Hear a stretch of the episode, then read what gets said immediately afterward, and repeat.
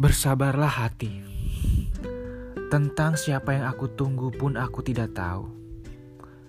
Begitu pula yang aku perjuangkan. Aku pun tidak tahu siapa.